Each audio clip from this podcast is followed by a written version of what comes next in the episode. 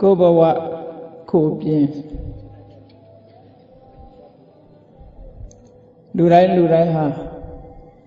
မိမိတို့ရရှိလာတဲ့ဘဝတစ်ခု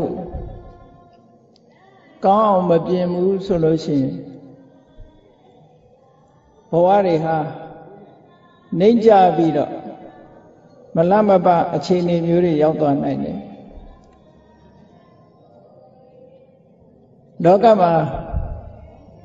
အခုလိုပြုပြင်ပြီးတော့ကိုယ်ဘဝကိုပြုပြင်ပြီးတတိတံပစဉ္ညာတရားရှေ့ထားပွားများအထောက်သွားကြတဲ့ပုဂ္ဂိုလ်တွေဟာဘဝမှာထူးခြားတဲ့ပုဂ္ဂိုလ်တွေဖြစ်ပြီးတော့သွားကြဖះအလောင်းတော်တွေဆိုတာကိုယ့်ဘဝကိုပြင်ပြီးလို့ထူးခြားအောင်မြင်မှုရပြီးတော့ဘဝမှာအထက်တန်းကြတယ်နောက်ဆုံးမှာဘဝဒုက္ခတွေရဲ့ ချုပ်ငြိမ်းရဖြစ်တဲ့နိဗ္ဗာန်ကိုမျက်မှောက်ပြုသွားနိုင်ကြတယ်ပေါ့ဒါကြောင့်မို့ကိုယ့်ဘဝကိုပြင်ဖို့ဆိုတာအမတမအရေးကြီးတယ်ကိုယ့်ဘဝကိုမပြင်ဘူးဆိုလို့ရှိရင်သူ့ဘာသူအလိုလျောက်ကောင်းလာတယ်ဆိုတာမရှိနိုင်ဘူးကိုယ့်ဘဝကိုထိန်းချောင်းပြီးတော့ပြုပြင်သွားနိုင်တဲ့ပုဂ္ဂိုလ်တိုင်းပုဂ္ဂိုလ်တိုင်းဟာအမတမထူးခြားတဲ့အနေအထားမျိုးကိုရရှိသွားတယ်ကောရမဘုရားလောင်းဟာ မူလကဖះလောင်းမဖြစ်ခင်အလွန်ဝေးလံတဲ့အချိန်တုန်းကဒီလိုသူတော်စင်သူတော်မြတ်အနေနဲ့တွေ့ရမှာမဟုတ်ဘူးဘဝမှာဘဝမျိုးစုံကျင်လီခဲ့ထိုကျင်လီခဲ့တဲ့ဘဝတွေထဲမှာကိုကိုကိုထိန်းချောင်းပြုပြင်သွားသည့်အတွက်ကြောင့်နောက်ဆုံးဟာဖះဖြစ်လို့ရောက်ပြီးတော့သွားတယ်ဆိုတာယုံမှားစရာမရှိဘူးပေါ့ ဒါကြောင့်မို့ကိုယ့်ဘဝကိုပြင်တဲ့ပုဂ္ဂိုလ်သာလင်ထူးခြားအောင်မြင်မှုရနိုင်တယ်လို့မြတ်စွာဘုရားကဟောတာအဲမြတ်စွာဘုရားဟောတဲ့တရားဒေသနာတော်တွေထဲမှာဘုရားကဟောကြားထားတဲ့စကားတရားတစ်ပုဒ်ရှိတယ်အတ္တနိစေပိယံစဉ္ညာရခေယနံသူရခိတံတိဏံမညတရံယာမံပฏิစက္ကေယပဏိတော လောကလူတွေဟာလူတိုင်းလူတိုင်းကိုကိုကိုချစ်ခင်ကြတယ်ကိုကိုကိုတန်ဖိုးထားကြတယ်ကိုကိုကိုလေးစားကြတယ်မြတ်စွာဘုရားကလည်းအတ္တတမံပေမနတ္ထိမိမိကိုယ်နဲ့အလားတူတဲ့ချစ်ခင်တဲ့ပုဂ္ဂိုလ်ဆိုတာလောကမှာမရှိဘူးကိုယ့်ကိုယ်ဟာအချစ်ဆုံးပဲလို့ဒီလိုဟောထားတဲ့သုတ်တန်တွေရှိတယ်ဒါလူသဘာဝကိုဟောတာ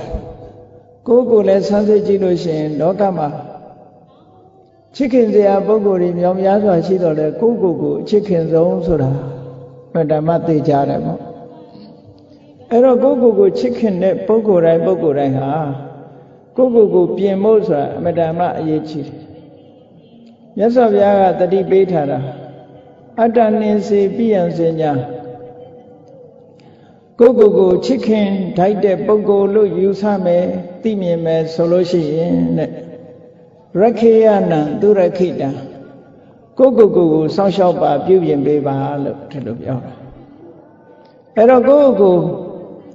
မပြင်လို့ရှိရင်ချစ်ရမရောက်ဖဲနဲ့နှစ်ရရောက်တယ်ဒီလိုဆိုလိုတာပေါ့ဒါကြောင့်မလို့ကိုယ့်ကိုယ်ချစ်ခင်တယ်လို့သိတဲ့ပုဂ္ဂိုလ်တိုင်းပုဂ္ဂိုလ်တိုင်းဟာကိုယ့်ကိုယ်ထိမ့်သိမ်းဆောက်ရှောက်ရမယ်ပြုပြင်ရမယ်တဲ့ တိဏမညတရယာမပฏิစကေယပဏိတောစဉ်းစားဉာဏ်ရှိတဲ့ပုဂ္ဂိုလ်ဟာဘဝလူရဲ့ဘဝမှာအရွယ်၃မျိုးဆိုတာရှိတယ်ဒါတက်တန်းတရားရှိတဲ့လူသားတွေကိုသုံးပုံပုံလိုက်တဲ့အခါကျတော့အရွယ်၃ပါးလို့ဒီလိုသတ်မှတ်ထားတယ်အရွယ်၃ပါးဆိုတာပထမအရွယ်ရဲ့ဒုတိယအရွယ်တတိယအရွယ်ပေါ့အဲ့တော့အသက်တရားတန်းဆိုလို့ရှိရင်တော့ပ ထမအရွယ်ဆိုတာပထမ33နှစ်ပဲဒုတိယ33နှစ်ကိုဒုတိယအရွယ်တတိယ33နှစ်ကိုတတိယအရွယ်လို့ဒီလိုအရွယ်၃ပါးပိုင်းခြားပြီးတော့ခွဲခြားပြီးတော့ကြည့်လို့ရလူတွေဟာအရွယ်လိုက်ကိုယ့်ကိုပြုပြင်ကြရတယ်ကိုယ်ဘဝជីវတိုးတက်အောင်လုပ်ကြအဲ့ဒီမှာကိုယ့်ကိုယ်ကိုချစ်ခင်တယ်လို့သိတဲ့ပုဂ္ဂိုလ်တိုင်းပုဂ္ဂိုလ်တိုင်းဟာ အရွယ်သုံးပါးမှာတဘာဘာကိုဧကနိဋ္ဌကိုယ့်ကိုပြုပြင်တဲ့အလုပ်ကိုလုပ်ရမယ်ကဲ၍မလုပ်လို့ရှိရင်လူဘဝဟာပထမအရွယ်ပြီးရင်ဒုတိယအရွယ်ရောက်မယ်ဒုတိယအရွယ်ရောက်ပြီးရင်တတိယအရွယ်ရောက်မယ်တတိယအရွယ်ပြီးလို့ရှိရင်ဘဝတစ်ခုကကုံဆုံးမယ်ဒါရေဝင်ရစကားအနေနဲ့ပြောတာလူတိုင်းလူတိုင်းဟာအရွယ်သုံးပါးလုံးပြည့်စုံအောင်နေနိုင်တာမဟုတ်ဘူး ပထမအရွယ်သိခြင်းလဲသိမယ်ဒုတိယအရွယ်သိခြင်းလဲသိမယ်တတိယအရွယ်သိခြင်းလဲသိမယ်အဲ့တော့အရေးကြီးဆုံးကလူဘဝရောက်လာလို့အသိဉာဏ်ရှိလာပြီဆိုတာနဲ့တပြိုင်နက်ကိုယ်မှာအကျင့်စရိုက်တွေကိုကိုယ့်အကိုသိအောင်ကြိုးစားအကျင့်စရိုက်တွေဘယ်လိုအကျင့်စရိုက်တွေရှိသလဲရာဂစရိုက်ရှိသလားရာဂစရိုက်ဆိုဒီမှာကောင်းတာကိုကြိုက်တယ် လူတိုင်းလူတိုင်းတော့ကောင်းတာကြိုက်ပေမဲ့လို့သူများတဲ့လွန်လွန်ကင်းကင်းလွန်လွန်ကင်းကင်းလွန်လွန်ကင်းကဲလောဘကြီးသလားလွန်လွန်ကဲကဲကြီးလောဘကြီးသလားအရာရာမှာတွေ့တာမှုတွေများနေသလားဆိုတော့လောဘဇယရှိလို့ရှိရင်ထိုလောဘဇယရာဂဇယကိုလျှော့ချပေးဖို့လိုအပ်တယ်ပေါ့အဲ့ဒါလို့လျှော့ချပေးတာဟာပြုပြင်ခြင်းတစ်မျိုးပဲဒေါသဇယရှိတဲ့ပုဂ္ဂိုလ်ကထိခနဲ့ဆိုရင်စိတ်တူတတ်တဲ့ပုဂ္ဂိုလ်ဖြစ်တယ် အဲ့ဒီစိတ်တူမှုဆိုတဲ့ဒေါသတွေမိမိတဏ္ဍာမှာရှိသလားကြီးထွားနေသလားဆိုတာအဲ့ဒါကိုကိုယ့်ကိုဆန်းစစ်ပြီးတော့ဒေါသဆရာရှိလို့ရှိရင်တဲ့ဒေါသဆရာကိုလည်းပဲခုဘဝမှာပြင်ရမယ်မပြင်ဘူးလို့ဆိုရှင်ဘယ်ဘဝရောက်ရောက်ဒေါသဆရာကြီးကမပြောက်ဖဲနဲ့ဖြစ်တတ်တယ်နောက်တစ်ခါမောဟဆရာကြီးဆိုတာမောဟဆရာကြီးဆိုတာဘယ်လိုဖြစ်တာတော့ဆိုရင်အရာရာမှာစဉ်းစားဆင်ခြင်မှုတွေအားနေတယ် လုံးတဲ့နာနဲ့မလုံးတဲ့နာကိုမသိဘူးမသိသည့်အတွက်ကြောင့်မလုံးတဲ့နာကိုလုံးတဲ့တယ်လို့ထင်တယ်လုံးတဲ့နာကိုမလုံးတဲ့ဘူးလို့ထင်တယ်မောဟဇေယရှိတဲ့ပုဂ္ဂိုလ်ကပြောလိုက်ရင်လည်းအမှားနော်ကြံတွေးလိုက်ရင်လည်းအမှားလုံးလိုက်လို့ရှိရင်လည်းအမှားကိုပဲလုံးမိတတ်တယ်အဲ့ဒါလို့မမရွင်ရွင်နေလုံးမိပြီမောဟတရားရဲ့လွန်မှုခံရပြီဆိုလို့ရှိရင်အရာရာမှာသိမြင်နိုင်စွမ်းမရှိပဲနဲ့မှားရွေးတဲ့လောရတွေနဲ့ပဲ အမှန်တရားပဲမရောက်ပဲမှားရွေးတဲ့လုံရက်တွေလုံရင်းလုံရင်းနဲ့ဘဝမှာနေမွန်းသွားနိုင်တယ်။ဒါကြောင့်မို့လို့ဒီမကောင်းတဲ့ဇေယိုက်တွေကိုရှောင်ပြီးတော့ကောင်းတဲ့ဇေယိုက်တွေဆောင်းတာဟာကိုယ့်ကိုပြင်တာပဲလို့ဒီလိုဆိုလို့လား။ဒီကနေ့ခေတ်မှာမြန်မာလူမျိုးတွေမြန်မာနိုင်ငံမှာဗုဒ္ဓဘာသာဝင်မိသားစုတွေမှာလူလာဖြစ်ကြတယ်။အဲ့ဒါလိုလူလာဖြစ်ကြတဲ့အခါမှာ မိမိတို့ရဲ့အကျင့်စရိုက်တွေကိုမိမိတို့ကိုယ်တိုင်သိအောင်ကြိုးစားဖို့သိအောင်ကြိုးစားပြီးတဲ့အခါမှာအဲ့တော့သိအောင်ကြိုးစားဖို့လို့ဆိုတဲ့အချိန်မှာဘယ်လိုလုပ်ပြီးတော့သိရတယ်လဲလို့ဆိုရင်အခုလိုတရားဝဲတွေကျင့်ပပြီးတော့တရားနာရတယ်တရားနာလို့ရှိရင်အသိဉာဏ်ရတယ်အသိဉာဏ်ရတဲ့အခါမှာကိုယ့်ရဲ့ဇေယိုက်တွေကိုကိုယ့်အကိုအကဲခတ်နိုင်တယ်မြတ်စွာဘုရားသခင်ကိုရောမြတ်ကဒီဇေယိုက်တွေနဲ့ပတ်သက်ပြီးတော့ ကိုယ့်ကိုသိရှိနားလည်ပြီဆိုရင်ထိုစရိုက်ကိုပျောက်ငိမ့်စေတတ်တဲ့ကမ္မထာနေလည်းပဲအတီးတီးပေးထားတာတွေရှိတယ်ပေါ့ဆိုလိုတာကတော့ယောဂနဲ့ဆေးတဲအောင်ပေးဆိုတာလို့ယောဂရှိရင်ဆေးရှိတယ်ဆိုတာလို့ဇေယိုက်ဆိုးတွေရှိရင်ဇေယိုက်ဆိုးတွေကိုပျောက်ကင်းစေနိုင်တဲ့ကျင့်စဉ်တွေရှိနေတာပဲပေါ့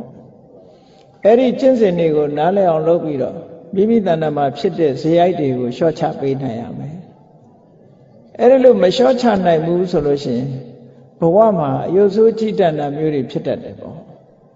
တန်တရားလဲရတဲ့ပုဂ္ဂိုလ်တွေဟာဘဝမှာအယုဆိုးကြည်တံဖြစ်သွားတတ်တယ်အေးဒါကြောင့်မို့လို့ကိုယ့်ဘဝကိုပြင်ရမယ်သူများကပြင်တယ်ဆိုတာကအကြံပေးုံတော့ပဲပြင်လို့ရတယ်ဆုံးမဩဝါဒပေးတယ်အကြံပေးတယ်မိမိကိုယ်တိုင်ကမပြင်သေးသမျှအကောင်းဘယ်တော့မှမဖြစ်ဘူးမိမိကိုယ်တိုင်ပြင်မှအကောင်းဖြစ်တယ်တဲ့ ဒါကြောင့်မို့လို့မြတ်စွာဘုရားကအတ္တနိစေပိယံစဉ္ညာရခိယနံသူရခိတံကိုကိုကိုအချစ်ဆုံးလို့အတိမပြုတယ်ဆိုရင်ကိုကိုကိုထိမ့်သိမ်းဆောက်ရှောက်ပါတဲ့အဲ့တော့ထိမ့်သိမ်းဆောက်ရှောက်ပါဆိုတဲ့အထဲမှာလောကလူတွေဆောက်ရှောက်တဲ့ဤကတော့ဘာလဲလို့ဆိုရင်အေးတဲ့ရာသီပါမအေးရအောင်ပူတဲ့ရာသီပါမပူရအောင်နော် ကိုယ့်ကိုထိမ့်သိမ်းဆောက်ရှောက်ကြတယ်ကျမ်းမာရေးနဲ့ပတ်သက်ပြီးတော့ထိမ့်သိမ်းဆောက်ရှောက်ကြတယ်အဲ့ဒီလိုထိမ့်သိမ်းဆောက်ရှောက်မှုမျိုးဟာရိုးရာထိမ့်သိမ်းဆောက်ရှောက်မှုလို့ခေါ်တယ်မြတ်စွာဘုရားဆိုလိုတဲ့ထိမ့်သိမ်းဆောက်ရှောက်မှုဆိုတာအဲ့ဒါမျိုးပြောတာမဟုတ်ဘူးတတိတရားလက်ကင်ထားပြီးတော့မမရွရွနေမလုံးမိအောင်ထိမ့်သိမ်းဆောက်ရှောက်ဖို့တဲ့လောကမှာလူဆိုတာလောဘတွေဒေါသတွေမောဟတွေလွှမ်းမိုးလာတဲ့အခါမှာ အမအယွင်းနေပြုလုပ်မိတတ်တယ်အမအယွင်းနေပြုလုပ်မိသည့်အတွက်ကြောင့်ကံမကောင်းအကြောင်းမလှတဲ့ဘဝမျိုးတွေကိုရောက်ရှိပြီးတော့သွားကြရတယ်ဒါတွေကအမတန်ထရှားတဲ့တာရကတွေပဲအဲ့တော့အဲ့လိုမျိုးတွေမဖြစ်အောင်ပေါ့ကိုယ့်ကိုစောင့်ရှောက်ရမယ်ကိုယ့်ကိုစောင့်ရှောက်ဆိုတဲ့နေရာမှာအဓိကကိုယ့်ကိုစောင့်ရှောက်တယ်ဆိုတာကိုယ်စိတ်ကိုထိမ့်သိမ်းစောင့်ရှောက်တာကိုပြောတာ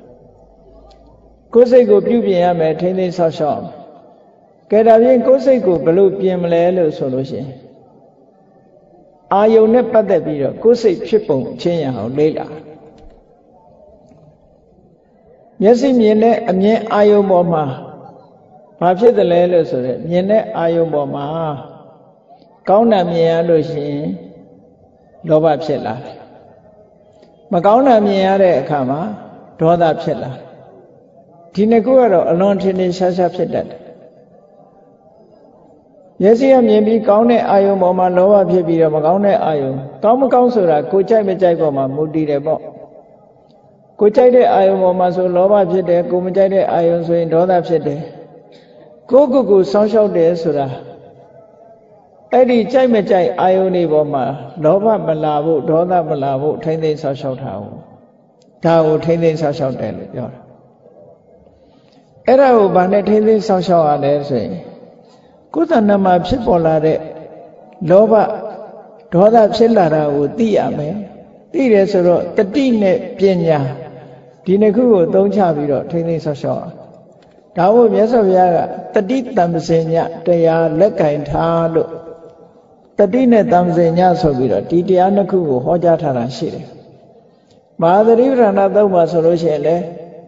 တတိကောင်းတဲ့ တတိကောင်းအောင်လေးလာတဲ့ဤစဉ္ဉဏ်ကောင်းအောင်လေးလာတဲ့ဤစနစ်တွေကိုမြတ်စွာဘုရားကပေးထားတယ်ကိုယ့်ကိုအရာခသိမ်းမှအမှတ်တမဲ့မနေပဲနဲ့ဘာလို့လို့တတိနဲ့နေထအောင်လို့မြတ်စွာဘုရားလေ့ကျင့်ဖို့ရဆုံးမဩဝါဒပေးထားတယ်အဲ့ဒီနီးတွေနဲ့လေ့ကျင့်မှသာလဲကိုယ်တဏ္ဍမှာဘာဖြစ်ဖြစ်ဖြစ်လာတဲ့အနေအထားတွေကိုရယူပေးတဲ့တတိရဲ့ ဆင်ញင်စဉ်းစားနိုင်တဲ့အသိဉာဏ်ရဲ့အဲ့ဒီနှစ်ခုရှိပြီးတော့မကောင်းတဲ့အကုသိုလ်တွေမဖြစ်အောင် ကောင်းတာတွေဖြစ်လာအောင်ဒီလိုထိမ့်သိမ်းဆောက်ရှောက်တာကိုကိုယ့်ကိုဆောက်ရှောက်တယ်လို့ဒီလိုပြောတာတခြားနည်းနဲ့ဆောင်းလျှောက်တာကိုဆိုလိုတာမဟုတ်ဘူးဒါကြောင့်မို့ကိုယ့်ကိုယ်ကိုဆောင်းလျှောက်တတ်ဖို့အမတန်မှအရေးကြီးတယ်မဆောင်းလျှောက်ရင်ကိုယ့်ကိုယ်ကိုမဆောင်းလျှောက်တတ်ဘူးဆိုရင် မျက်စိနဲ့အမြင်အာယုံပေါ်မှာလောဘဖြစ်တယ်အဲ့ဒီလောဘကိုမထိန်လိုက်ဘူးဆိုရင်လောဘကနောက်ဆုံးမှာအပယ်ငရဲကြစေနိုင်လောက်အောင်ကြီးထွားသွားနိုင်တယ်ဒေါသဖြစ်တယ်ဒေါသကိုမထိန်သိမ်းဘူးမဆောင်းလျှောက်ဘူးဆိုရင်ဒီမလျှော့ချနိုင်ဘူးဆိုရင်အပင်ငရဲကိုကြားစေလောက်အောင်ချီးထွားပြီးတော့သွားရတယ်တဲ့ဒါကြောင့်မို့လို့အမြင်အာယုန်နဲ့ပတ်သက်ပြီးတော့လည်းပဲလောဘဒေါသမဖြစ်အောင် အကြာအာယုန်နဲ့ပတ်သက်ပြီးတော့လည်းလောဘဒေါသမဖြစ်အောင်အနတ်အာယုန်အရသာအာယုန်အထိတွေ့အာယုန်စိတ်แท้ကကြံတွေးတဲ့အာယုန်တွေနဲ့ပတ်သက်ပြီးတော့လည်းလောဘဒေါသမဖြစ်အောင်စောင့်ရှောက်တာကိုယ့်ကိုစောင့်ရှောက်တယ်လို့ပြောတယ်အဲ့ဒါလို့ကိုယ့်ကိုစောင့်ရှောက်တယ်ဆိုတဲ့နေရာမှာအရေးကြီးတာကတော့တတိနဲ့တမ္ပစင်ညာလို့တတိရဲ့ပညာရဲ့ဒီနှစ်ခုကအရေးပါ သို့တော့အဲ့ဒီနှစ်ခုအလုံးလုံးအောင်တွန်းအားပေးဖို့ဆိုတဲ့ဝီရိယမပါပဲလည်းမရအလုံးကြားဘူးကြတယ်တမ္ပပဒံတရား၄ပါးလို့ဆိုတာအလုံးကြားဘူးထားကြတယ်တမ္ပပဒံတရား၄ပါးဆိုတာဘာလဲလို့ဆိုရင်ကိုယ်တဏ္ဍမှာအကုသို့မဖြစ်ရအောင်စောင့်စည်းတာဆုတ်ပိတ်တာ နံပါတ်1ကကိုယ့်ကိုယ်ကိုယ်စိတ်ထဲမှာအကုသို့ဖြစ်မလာအောင်ဆုတ်ပိတ်ပြီးတော့ထားရမယ်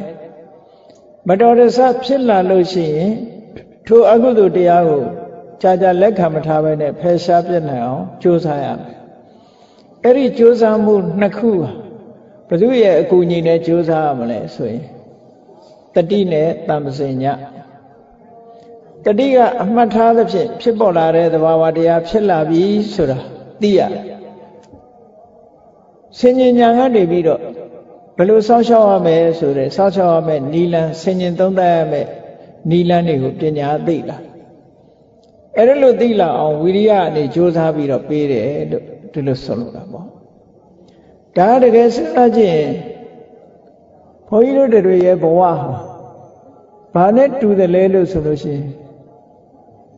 လူရဲ့ခန္ဓာကိုယ်ကြီးဟာအိမ်တစ်လုံးနဲ့အလားတန်တူတယ်လို့ပြောရမှာပဲ အိမ်မှာအိမ်တစ်လုံးမှာဝင်ပေါက်ထွက်ပေါက်တွေရှိတယ်လို့ပဲလူရဲ့ခန္ဓာကိုယ်ထဲမှာအာယုန်ရဲ့ဝင်ပေါက်တွေဟာ6ပေါက်တောင်မှရှိတယ်ပေါ့မျက်စိကအဆင်းအာယုန်တွေနားကအတန်အာယုန်တွေနှာခေါင်းကအနံ့အာယုန်တွေလျှာကအရသာအာယုန်တွေခန္ဓာကိုယ်ကအထိတွေ့အာယုန်တွေ မနောဒွါရလို့ခေါ်တဲ့စိတ်ကအတွေးအကြံအာယုန်တွေတဲ့ဟောဒီအာယုန်တွေဟာလူရဲ့တဏ္ဍမှာမပြတ်ဝင်ပြီးတော့လာနေတယ်အဲ့ဒါလို့မပြတ်ဝင်နေတဲ့အချိန်မှာမြတ်စွာဘုရားဟောတာကဓာရ6ပါးကိုလုံဆုံးစွာထိမ့်သိမ့်ဆောက်ရှောက်ရမယ်လုံခြုံစေရမယ်ပါဠိလိုပြောတော့အိန္ဒရိယေတုဂௌတ္တဓွာရောမျက်စိနာနာလျာကိုစိတ် ဒီ6မျိုးကိုအိန္ဒြေလို့ခေါ်တယ်အိန္ဒြိယဘာဖြစ်လို့အိန္ဒြေလို့ခေါ်လဲဆိုရင်ဆံရဆံရကိစ္စတွေမှာအုပ်စိုးထားနိုင်လို့အိန္ဒြေလို့ခေါ်တယ်မျက်စိကအမြင်ကိစ္စမှာအုပ်စိုးထားတယ်နားကအတန်ကိစ္စအကြားကိစ္စမှာအုပ်စိုးထားတယ်နှာခေါင်းကအနံ့ကိစ္စမှာအုပ်စိုးတယ်လျှာကအရသာကိစ္စမှာအုပ်စိုးတယ်ခန္ဓာကိုယ်ကအထိတွေ့ကိစ္စမှာအုပ်စိုးတယ်စိတ်ကအတိကိစ္စမှာအုပ်စိုးတယ်လို့ ဆံရဆံရကိစ္စတွေမှာလွှမ်းမိုးချုပ်ကင်ထားနိုင်တဲ့ဒီမျက်စိနာနာလျှာကိုယ်စိတ်ဆိုတဲ့6မျိုးကိုအိန္ဒြေ6ပါးလို့ခေါ်တာအဲ့ဒီအိန္ဒြေ6ပါးကိုလုံခြုံမစေဆိုတာဘာကိုပြောတာလဲအေးတချို့အဆုံးအမတွေကြတော့အိန္ဒြေ6ပါးလုံခြုံစေဆိုတာတခြားပြောတာမျက်စိမှိတ်ထားရမယ်နော်မကြည့်ရဘူးနားမထောင်ရဘူး အနမ်းမရှူရဘူးဆိုတာဒီလိုဆိုလိုတာမဟုတ်ဘူးတဲ့ဟောမျက်စိကဝင်လာတဲ့အာယုံပေါ်မှာလောဘမဖြစ်အောင်ဒေါသမဖြစ်အောင်မျက်စိဆိုတာကြည့်ဖို့ပဲကြည့်ဖို့ဆိုတော့မြင်စရာအာယုံမြင်မှာပဲကြည့်ရမှာပဲကြည့်လာတဲ့အခါမှာနှိမ့်သက်စရာအာယုံတွေ့ရင်လောဘမဖြစ်အောင်မနှိမ့်သက်စရာအာယုံတွေတွေ့ရင်ဒေါသမဖြစ်အောင် အဲ့ဒီလောဘမဖြစ်အောင်ဒေါသမဖြစ်အောင်ထိမ့်သိမ်းဆောက်ရှောက်တာကိုသာလဲအိန္ဒြေကိုထိမ့်သိမ်းဆောက်ရှောက်တယ်လုံုံတယ်လို့ဒီလိုပြောတာဟောအိမ်ကြီးမှာဘုန်းကြီးတို့ခန္ဓာကိုယ်မှာဓာရ6ပါးတကား6ပေါက်ရှိသည့်အတွက်ကြောင့်ဝင်လာမဲ့အရာတွေကအစင်းလဲဝင်လာမယ်အတန်လဲဝင်လာမယ်အနံ့လဲဝင်လာမယ်အရသာလဲဝင်လာမယ်အထီးတွေးတွေလဲဝင်လာမယ်အတွေးအကြံအာယုန်တွေလဲဝင်လာမယ် အဲ့ဒါလိုဝင်လာတဲ့အခါမှာလောဘတွေလည်းဖြစ်မယ်ဒေါသတွေလည်းဖြစ်မယ်မောဟတွေလည်းဖြစ်မယ်ဒါတွေဖြစ်နေမယ်ဆိုလို့ရှိရင်အိန္ဒိယတကားမလုံဘူးလို့ပြောတာနော်ဘာနဲ့ဥပမာတူတော့ဆိုရင်အိန္ဒကားတွေဖွင့်ထားတဲ့အခါမှာအပေါက်6ပေါက်ကနေဝင်ပြီးတော့တိတ်တိတ်စိတ်တခိုးတွေဟာဝင်ရောက်ပြီးတော့ခိုးယူသွားတယ်လို့ပဲ လူခန္ဓာကိုယ်မှာအခုတကား6ပေါက်ကိုအဆောင်မထားဘဲနဲ့တတိတံစင်ညဆိုတဲ့အဆောင်မရှိဘူးတတိအဆောင်မရှိဘူးပညာဆင်ញင်မှုမရှိဘူးဆိုရင်မျက်စိကနေပြီးတော့ကောင်းတဲ့စိတ်ကလေးတွေပါသွားမယ်နားကကြားပြီးတော့ကောင်းတဲ့စိတ်လေးတွေပါသွားမယ်ဘာဖြစ်လို့လဲဆိုအကုသိုလ်စိတ်ဆိုတာအဲ့ဒီအာယုန်နေနောက်လိုက်ပြီးတော့ဖြစ်တာဟုတ်ဖြစ်တော့ကိုယ်တဏ္ဍမှာရှိသင့်ရှိလိုက်တဲ့အသိပညာတွေအဖို့တံပစ္စည်းတွေဟာပါသွားနိုင်တယ်ပေါ့ လောဘဖြစ်တယ်ဆိုရင်ကုသိုလ်စိတ်တွေဆုံးရှုံးသွားတယ်ဒေါသဖြစ်ရင်လည်းကုသိုလ်စိတ်တွေဆုံးရှုံးသွားတယ်မောဟစိတ်ဖြစ်ရင်လည်းကုသိုလ်စိတ်တွေဆုံးရှုံးသွားတယ်လောကမှာကောင်းကျိုးချမ်းသာပေးနိုင်တယ်ဆိုတာကုသိုလ်တရားကသာပေးနိုင်တာဒါကြောင့်မို့ကုသိုလ်တရားဟာမတန်တမိုးရှိတဲ့ယရနာနဲ့အလားတန်တူတယ်ဒွါရ6ပါးကိုလုံးအောင်မထိမ့်သိမ့်နိုင်ဘူးတကား6ပါးကိုမပိတ်ဆို့နိုင်ဘူးဆိုလို့ရှိရင်အခုပြောတဲ့အသိဉာဏ်တွေ ကုသိုလ်တရားတွေဟာတက်မလာနိုင်ယုံနေမကဘူးခန္ဓာကိုယ်ကရှိသမျှကုသိုလ်တွေတောင်ပါသွားနိုင်တယ်ဆိုပါစို့ဘယ်လိုပါသွားလဲလို့ဆိုရင်မျက်စိကအမြင်အာယုံပေါ်မှာလောဘဖြစ်တယ်လောဘဖြစ်ရင်စိတ်မထိန်နိုင်လို့လောအဲ့ဒီလောဘဟာကြီးထွားလာပြီဆိုလို့ရှိရင်သူကမလုံးတဲ့မလုံးထိုက်တာတွေလှုပ်လာတယ်မလုံးတဲ့တာတွေမပြောတဲ့တာတွေပြောလာတယ်ကိုချင်းတရားတွေချိုးဖောက်လာတယ်ဆိုရင် ဒါအမြင်အာယုန်နဲ့ပတ်သက်လာတဲ့ဘက်မှာအကုသိုလ်တွေရဲ့လွှမ်းပြီးမှုကိုခံရရတော့ကုသိုလ်စိတ်တွေဟာအမြင်အာယုန်နဲ့ဆက်ပြီးတော့မဖြစ်နိုင်တော့ဘူးရှိသမျှကုသိုလ်တွေရဲ့အခြေခံတွေဟာအကုန်လုံးပျက်စီးသွားနိုင်တယ်ပေါ့ထို့တူပဲနားကလည်းပဲအတန်ကြားပြီးတော့လောဘဖြစ်မယ်ဒေါသဖြစ်မယ်ဆိုရင်ကုသိုလ်စိတ်တွေဒီလိုပဲဆုံးရှုံးသွားမှာပဲအေးဒါကြောင့်မလို့ကိုယ့်ကိုထိမ့်သိမ်းဆောက်ရှောက်ဆိုတဲ့နေရာမှာ စိတ်ကိုထိမ့်သိမ်းဆောက်ရှောက်ကြမှာဖြစ်တယ်စိတ်ထဲမှာလောဘပေါ်မလာအောင်ဒေါသပေါ်မလာအောင်ဖြစ်လာလို့ရှိရင်ဖယ်ရှားနိုင်အောင်အဲ့ဒီလိုဆောက်ရှောက်ဖို့အတွက်တတိဆိုတာအမြဲကတ်ထားရမယ်တတိကတ်ထားပြီးတော့တမ္ပစင်ညဆိုတာရှိရဒါမို့အတိနဲ့တတိဆိုတာအဲ့ဒါပြောတာနော်တတိရှိရမယ်တမ္ပစင်ညဆိုတဲ့ဆင်ញင်တုံတရားရှိရမယ်အဲ့ဒီတစ်ခုလုံးလဝိရိယအာပြုပြီးတော့ အကုသိုလ်တွေမဖြစ်ရအောင်နေ့စဉ်နဲ့မြတတိထားပြီးတော့မျက်စိအမြင်ပြီးငါမှလောဘဖြစ်เสียဘူးဒေါသမဖြစ်เสียဘူးမတော်တဆတတိလက်လွတ်လို့ဖြစ်သွားလို့ရှိရင်လည်းပဲထိုလောဘကိုကြာကြာမခံအောင်မိမိရဲ့စိတ်အစဉ်ကနေဖယ်ရှားပြစ်တယ်ဒေါသကိုကြာကြာမခံအောင်မိမိစိတ်အစဉ်ကဖယ်ရှားပြစ်တယ်အဲ့ဒီလိုကြိုးပမ်းအထောက်မှုနှစ်ရက်ကိုအကုသိုလ်နဲ့ပတ်သက်တဲ့ကြိုးပမ်းအထောက်မှုနှစ်ရက် တခါကောင်းတဲ့ဘက်ကနေကြီးလိုက်တဲ့အခါကျတော့ကုသိုလ်ဘက်ကကြိုးပမ်းအထောက်မှုနှစ်ရက်ဆိုတာကုသိုလ်စိတ်မဖြစ်သေးလို့ရှိရင်ဖြစ်အောင်လုပ်ရမယ်ဖြစ်ပြီးလို့ရှိရင်တိုးပွားလောက်အောင်ကြိုးစားအဲ့တော့ပေါင်းလိုက်တော့အကုသိုလ်ကိုမဖြစ်အောင်ဆုတ်ပိတ်ထားပြီးဖြစ်လာလို့ရှိရင်ဖယ်ရှားပြစ်တာကနှစ်ခုကုသိုလ်မဖြစ်သေးရင်ဖြစ်အောင်လုပ်တာရဲ့ဖြစ်ပြီးရင်ကြီးပွားတိုးတက်လာအောင်လုပ်တာနှစ်ခုဆို အဲ့ဒါကိုပဲတမ္ပပဒံတရား၄ပါးလို့ဒီလိုပြောတာနော်ဒါလက်တွေ့ကျင့်သုံးဖို့အတွက်ကိုဘဝကိုပြုပြင်တယ်ဆိုတဲ့နေရာမှာဘာတွေနဲ့ပြင်ရမလဲတတိရဲ့တမ္ပစင်ညရဲ့ဝိရိယဒါအရေးကြီးဆုံးပဲပေါ့ဒါကြောင့်မို့မဟာတတိပဋ္ဌာန်တုတ်ထဲမှာအလုံးမဟာတတိပဋ္ဌာန်တုတ်နာဘူးတဲ့ပုဂ္ဂိုလ်တွေစဉ်းစားမိလို့ရမြတ်စွာဘုရားကအာတာပိတမ္ပဇာနောတတိမာဒီတရားသုံးပါးကိုအဓိကထားတယ် ကိုယ့်ကိုပြင်ဆင်ဖို့ရအတွက်အာတာပိဆိုတာအာတာပဆိုတာဝိရိယနော်ကျိုးပန်းအထောက်မှုဝိရိယပေါ်ပေါ်ဆဆဝိရိယမဟုတ်ဘူးပြင်းပြင်းထန်ထန်ဝိရိယမဖြစ်မနေလုံးတဲ့ဝိရိယအာတာပဆိုတာဝိရိယတမ္ပဇာနာဆိုတာဆင်ញင်တုံတရားတတိမာတတိဆိုတာအာယုန်နဲ့ပတ်သက်ပြီးတော့အမှတ်ရနေတာဟောဒီသုံးခုဟာ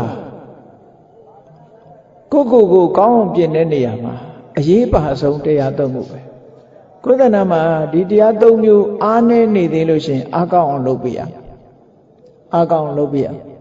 အားကောင်းလာလို့ရှိရင်ဒီတရားသုံးမျိုးအားကောင်းလာတာနဲ့တပြိုင်နက်ကိုယ့်ကိုထိမ့်သိမ်းဆောက်ရှောက်မှုဟာအောင်အောင်မြင်မြင်ကြီးဖြစ်နိုင်အဲ့တော့ဝိရိယရဲ့တတိရဲ့ပညာရဲ့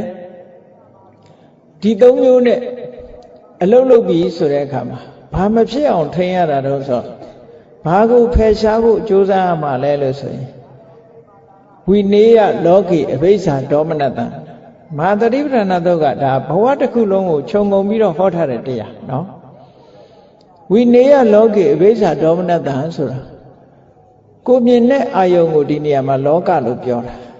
မြတ်စွာဘုရားကမဟာသရိပ္ပံတော့မှာအာယုံ၄မျိုးပေးထားတာကာယဝေဒနာစိတ်ဓမ္မလို့အာယုံ၄မျိုးပေးထားတာကိုယ်ခန္ဓာကိုယ်ထဲမှာရှိတာ အဲ့ဒါကိုအစင်းအတန်အနာအယတာဒါတွေအကုန်ကာယတွေပဲလေအဲ့ဒီဒီအာယုန်တွေနဲ့ပတ်သက်လာတဲ့အခါမှာခုနကဝိရိယရဲ့တတိရဲ့တမာတိရဲ့